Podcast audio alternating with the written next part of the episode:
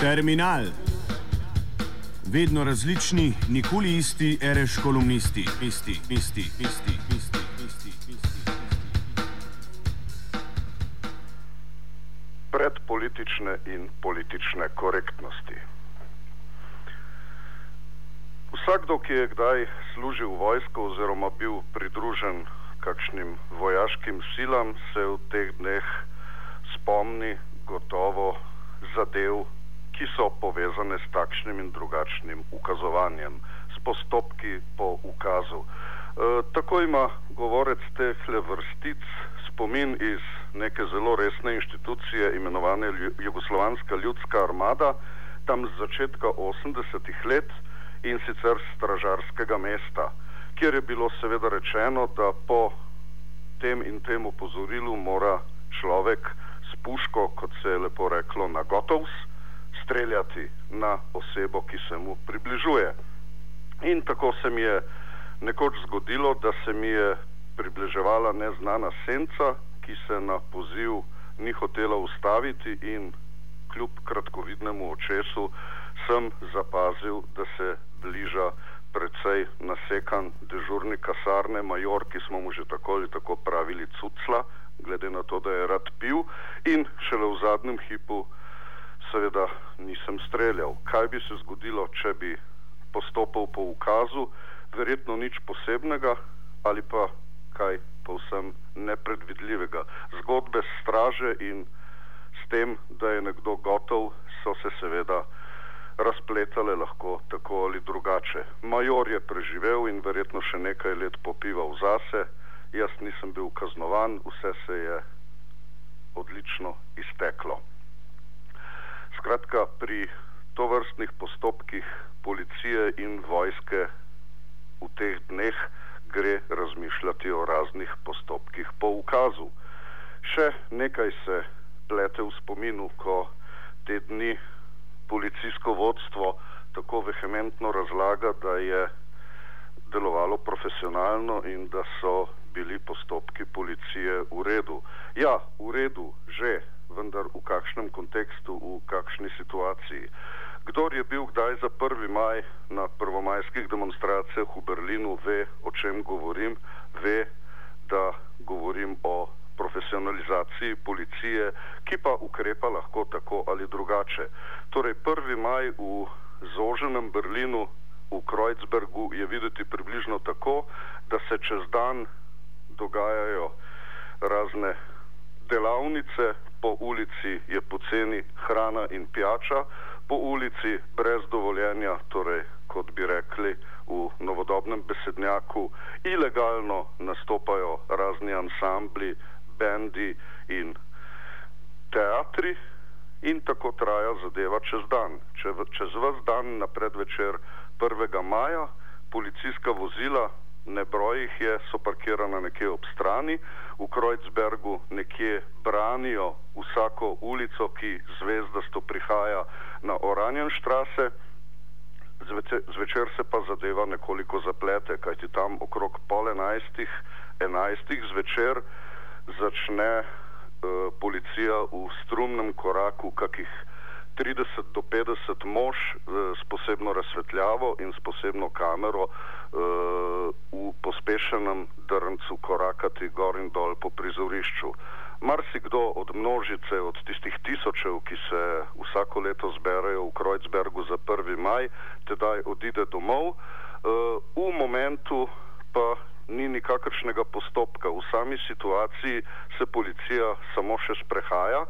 Eh, potem pa seveda pride do tiste mestne folklore, ki uh, ima v urbanih mitih in legendah uh, svoje mesto v pankovski druščini med tako imenovanimi kaoten in drugimi bunde, torej da se mora vsak novo došli v teh demonstracijah, torej uh, novopečenec, ruki v tej situaciji spopasti s policijo.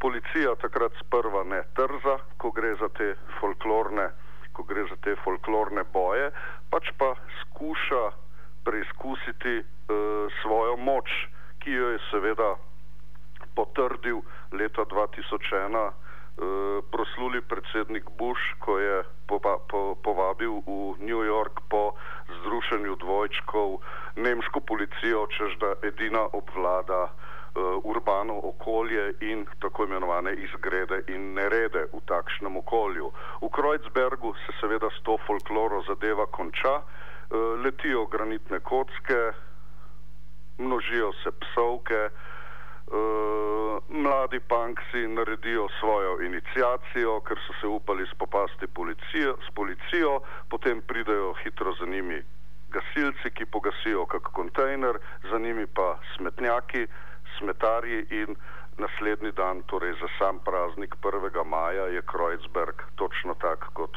vsak drug dan v letu, razen 30. aprila zvečer in po noči. Eh, puške niso pripravljene na gotovs, eh, sozivca v glavnem tam ne uporabljajo, eh, delujejo pa po postopku, predvsem pa kažejo tisto, recimo, kar staro socialdemokratsko moč nemške policije, ki se je kalila v celotnem 20. stoletju tako ali drugače in prišla do tiste točke, da si lahko za 1. maj uh, privošči merjenje moči in verjetno se takrat pišajo takšne in drugačne ocene, ocene stanja. Postopki po ukazu so lahko takšni in drugačni, dvomimo seveda, da se nemška ustava, kar se tiče zborovanj, kaj dosti razlikuje od slovenske, torej da se dotika nekih mirnih zborovanj, katerim, uh, ki so zapisana v ustavi, s katerimi je bivši minister Šturm tako veliko mahal zadnjič po državni televiziji in si uh, privoščil ustavo vezano z zlatim robom. Uh, no, da ne bo nesporazuma, kar se naš tiče, ustava ni treba, biti, ni treba, da je vezana v zlati rob. Eh, nam v teh dneh eh, bolj pridajo na misel tiste prešernove poezije, ki so jih med narodno osvobodilno borbo tovorili eh, v gorenske tiskarne in ki so imele prav tako zlati rob in ki so izražale neko drugo stanje, neko drugo stanje stvari, s katerim se v tem negotovem trenutku soočamo tudi tukaj. Ko se množijo pred politične in razne politične korektnosti in ko se samo čaka, kdaj bo ena ali druga stran prestopila rob. Kar se tiče prestopanja roba, je tako imenovana politična korektnost seveda včeraj v Ljubljani eh, dosegla svoj namen in tudi pokazala svoje kaotično stanje medtem ko se je predsednik vlade oglasil zgolj po Twitterju, smo zasledili ministra za obrambo, ki je komentiral izrazito notranje politične zadeve in pri tem eh, zagovarjal tezo, da po ustavi vojska pač ne bo posredovala, ministr za finance pa je, glej ga zlomka, nenadoma postal izvedenec za psihologijo množic. Torej, poleg vsega ostalega dela sta nadomestila tudi govorečega v vladi, torej port parola oziroma samega prvega ministra, ki se je seveda raje udeležil uh, proslave, kot da bi se soočil s stanjem, ki se mu vrača zdaj kot zli duh. In to zli duh v več osebah. Vrača se mu namreč Miloševičev duh, če verjamemo, da se dogaja ljudstvo in ne cesta. Še več, dogaja se mu Ertlov duh, Tomaš Ertl, inkriminirana osebnost iz njegovega besednjaka, ki je prejel odlikovanje za uh, preprečevanje srpskega dogajanja naroda. Leta 1987, je pred dnevi umrl, zdaj se njegov duh iz steklenice vrača samemu premijeju in vrača se mu nekaj še bolj zagatnega, kar se je pa pokazalo uh, na zasedanju komisije oziroma uh, poklicanih za tako imenovano nacionalno varnost, vrača se mu seveda teritorijalna obramba. Če sem začel svojo zgodbo iz JLA, verjetno je kot eh, malo starejši generacijski kolega tudi premije zelo poučen o tem, kako se je delovalo s postopki po ukazu tedaj, kaj je pomenila puška na gotovs in kako so prav v tistih letih, ko jaz za malo s napolnjenim orožjem nisem ustrelil majorja JLA, kako je takrat seveda poleg posebnih sil policije leta 1981 na Kosovo udrla tudi vojska. Torej dogaja se ministru Janši teritorijalna obramba.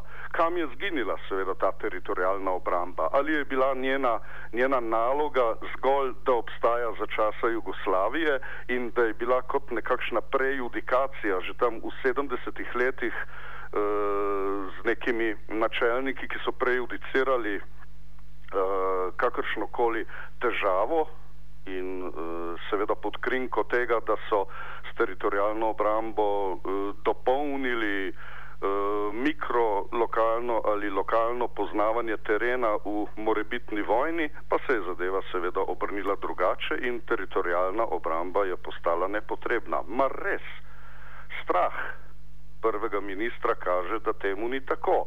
Saj naj bi po uradnih interpretacijah uh, sestankujoči tisti zborček, eh, v katerem je bil tudi uh, načelnik generalštaba, uh, dobili naloge, da morajo pregledati skladišča municije, eksploziva in orožja. Torej tistega, do česar bi se lahko neka potencijalna novodobna teritorijalna obramba, ki deluje zdaj na gotovs, dokopala in povzročila državi težave. Uh, v okolju, kjer se je stanje stvari vrnilo v razdobje pred francosko revolucijo, da ne bo dvoma, seveda je to okolje sama Evropska unija, ki živi bolj ali manj v razdobju pred francosko revolucijo, je seveda možno marsikaj, pa naj nekdani minister Šturm še tako maha z ustavo, kjer, so, kjer je zapisano, da so dovoljena zborovanja na miren način in naj vsi ministri iz vlade še tako govorijo, da so bila zborovanja uh, ilegalna, nedovoljena, da se išče organizator, ki ga po spletu, po družabnih omrežjih ni tako težko uh, uh, najti. Uh, pač to ustavo se da kršiti na takšne ali drugačne načine. Če jo krši vladna garnitura, seveda ni nikjer zapisano in toliko laže je, da jo bo odziv pa naj bo za zdaj še tako predpolitičen odziv množic, seveda kršil po svoje. V vsem tem poimenovanju je veliko politične korektnosti, pa naj se dogaja še tako predpolitično stanje, ki je majavo in alarmantno predvsem zato, ker ne vemo, ali se bo uh, sama organiziranost protestov, ustaj, uporov ali kakor jih že mediji eh, omenjajo, poimenujejo in mediji ta hip zelo galantno poleg Facebooka pozivajo in obveščajo ljudi, kje se dogajajo takšni in drugačni, uh, takšna in drugačna zborovanja ljudstva. Uh, seveda moramo reči, da vlada vse te medijske uh, zadeve bere histerično. Ne vidi, da v bistvu mediji pripomorejo k temu, da se seveda ob morebitnih eskalacijah, ob zborovanju številčne množice uh, mora pripetiti, da ravno na poziv medijev, pa naj si gre za osrednji časnik, za državno televizijo, ki natančno poročajo o datumih in urah protestov po Sloveniji, uh, dogodi ravno to, da se sproži neka varovalka. Torej, da je varovalka tista, ki, ki uh, vzame protestom pred politično noto in jih vrača v nek političen nadzor. Torej, kdor je pozvan, gre lahko tja tudi kot nekakšna zaščitna enota. Kaj ne? Spet smo pri tem, saj smo nekoč imeli uh, inštitucijo po imenu Narodna zaščita, ki je namenjena nekakšni kontraobveščevalni dejavnosti, torej ljudstvo ščiti pred izgredniki, huligani, pred provokatorji, skratka pred tem, da se uh, policija uh, uh, obnaša po svoje in tudi pred tem, uh, kar obstoji še vedno kot nevarnost, da se da se uh, celotna eskalacija prevede v tisto najbolj trivialno zgodbo, to je zgodba o violah in Green Dragons. Upam, da temu seveda ne bo tako. E, zakaj takega pa bo treba seveda iz predpolitične in politične korektnosti e,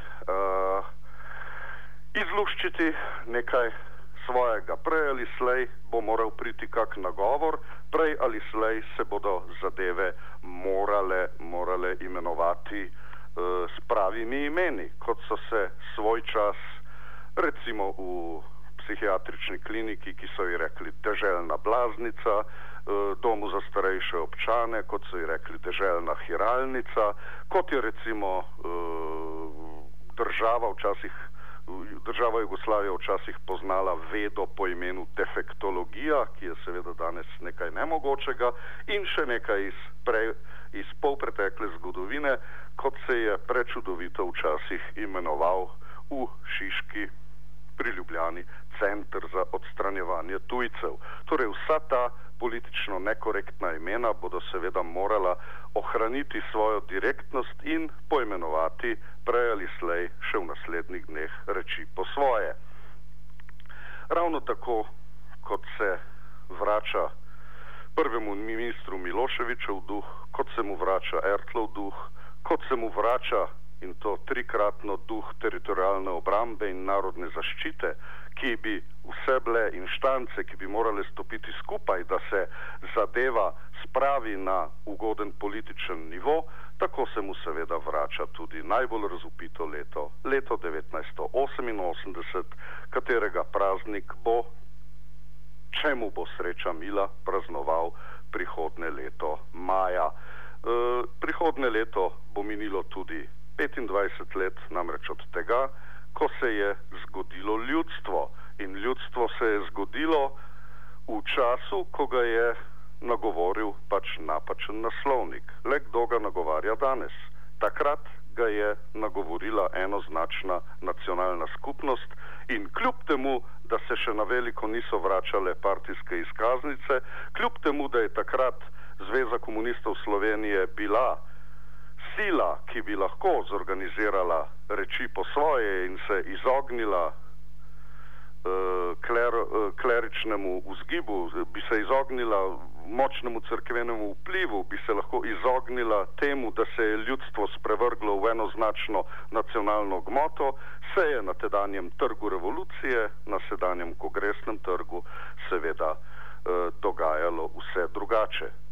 Brez kakih večjih stražnikov, samimi varovali, brez pušk na gotovs, brez postopkov pri poukazu, ki se v sedanjem predpolitičnem stanju, preden se bo zavihtelo uh, iz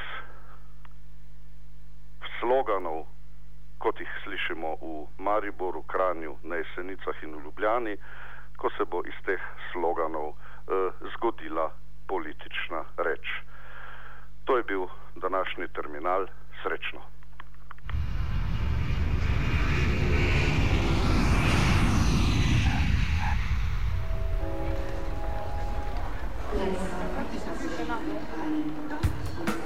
Terminal. Vedno različni, nikoli isti, ereš kolumnisti, isti, isti, isti.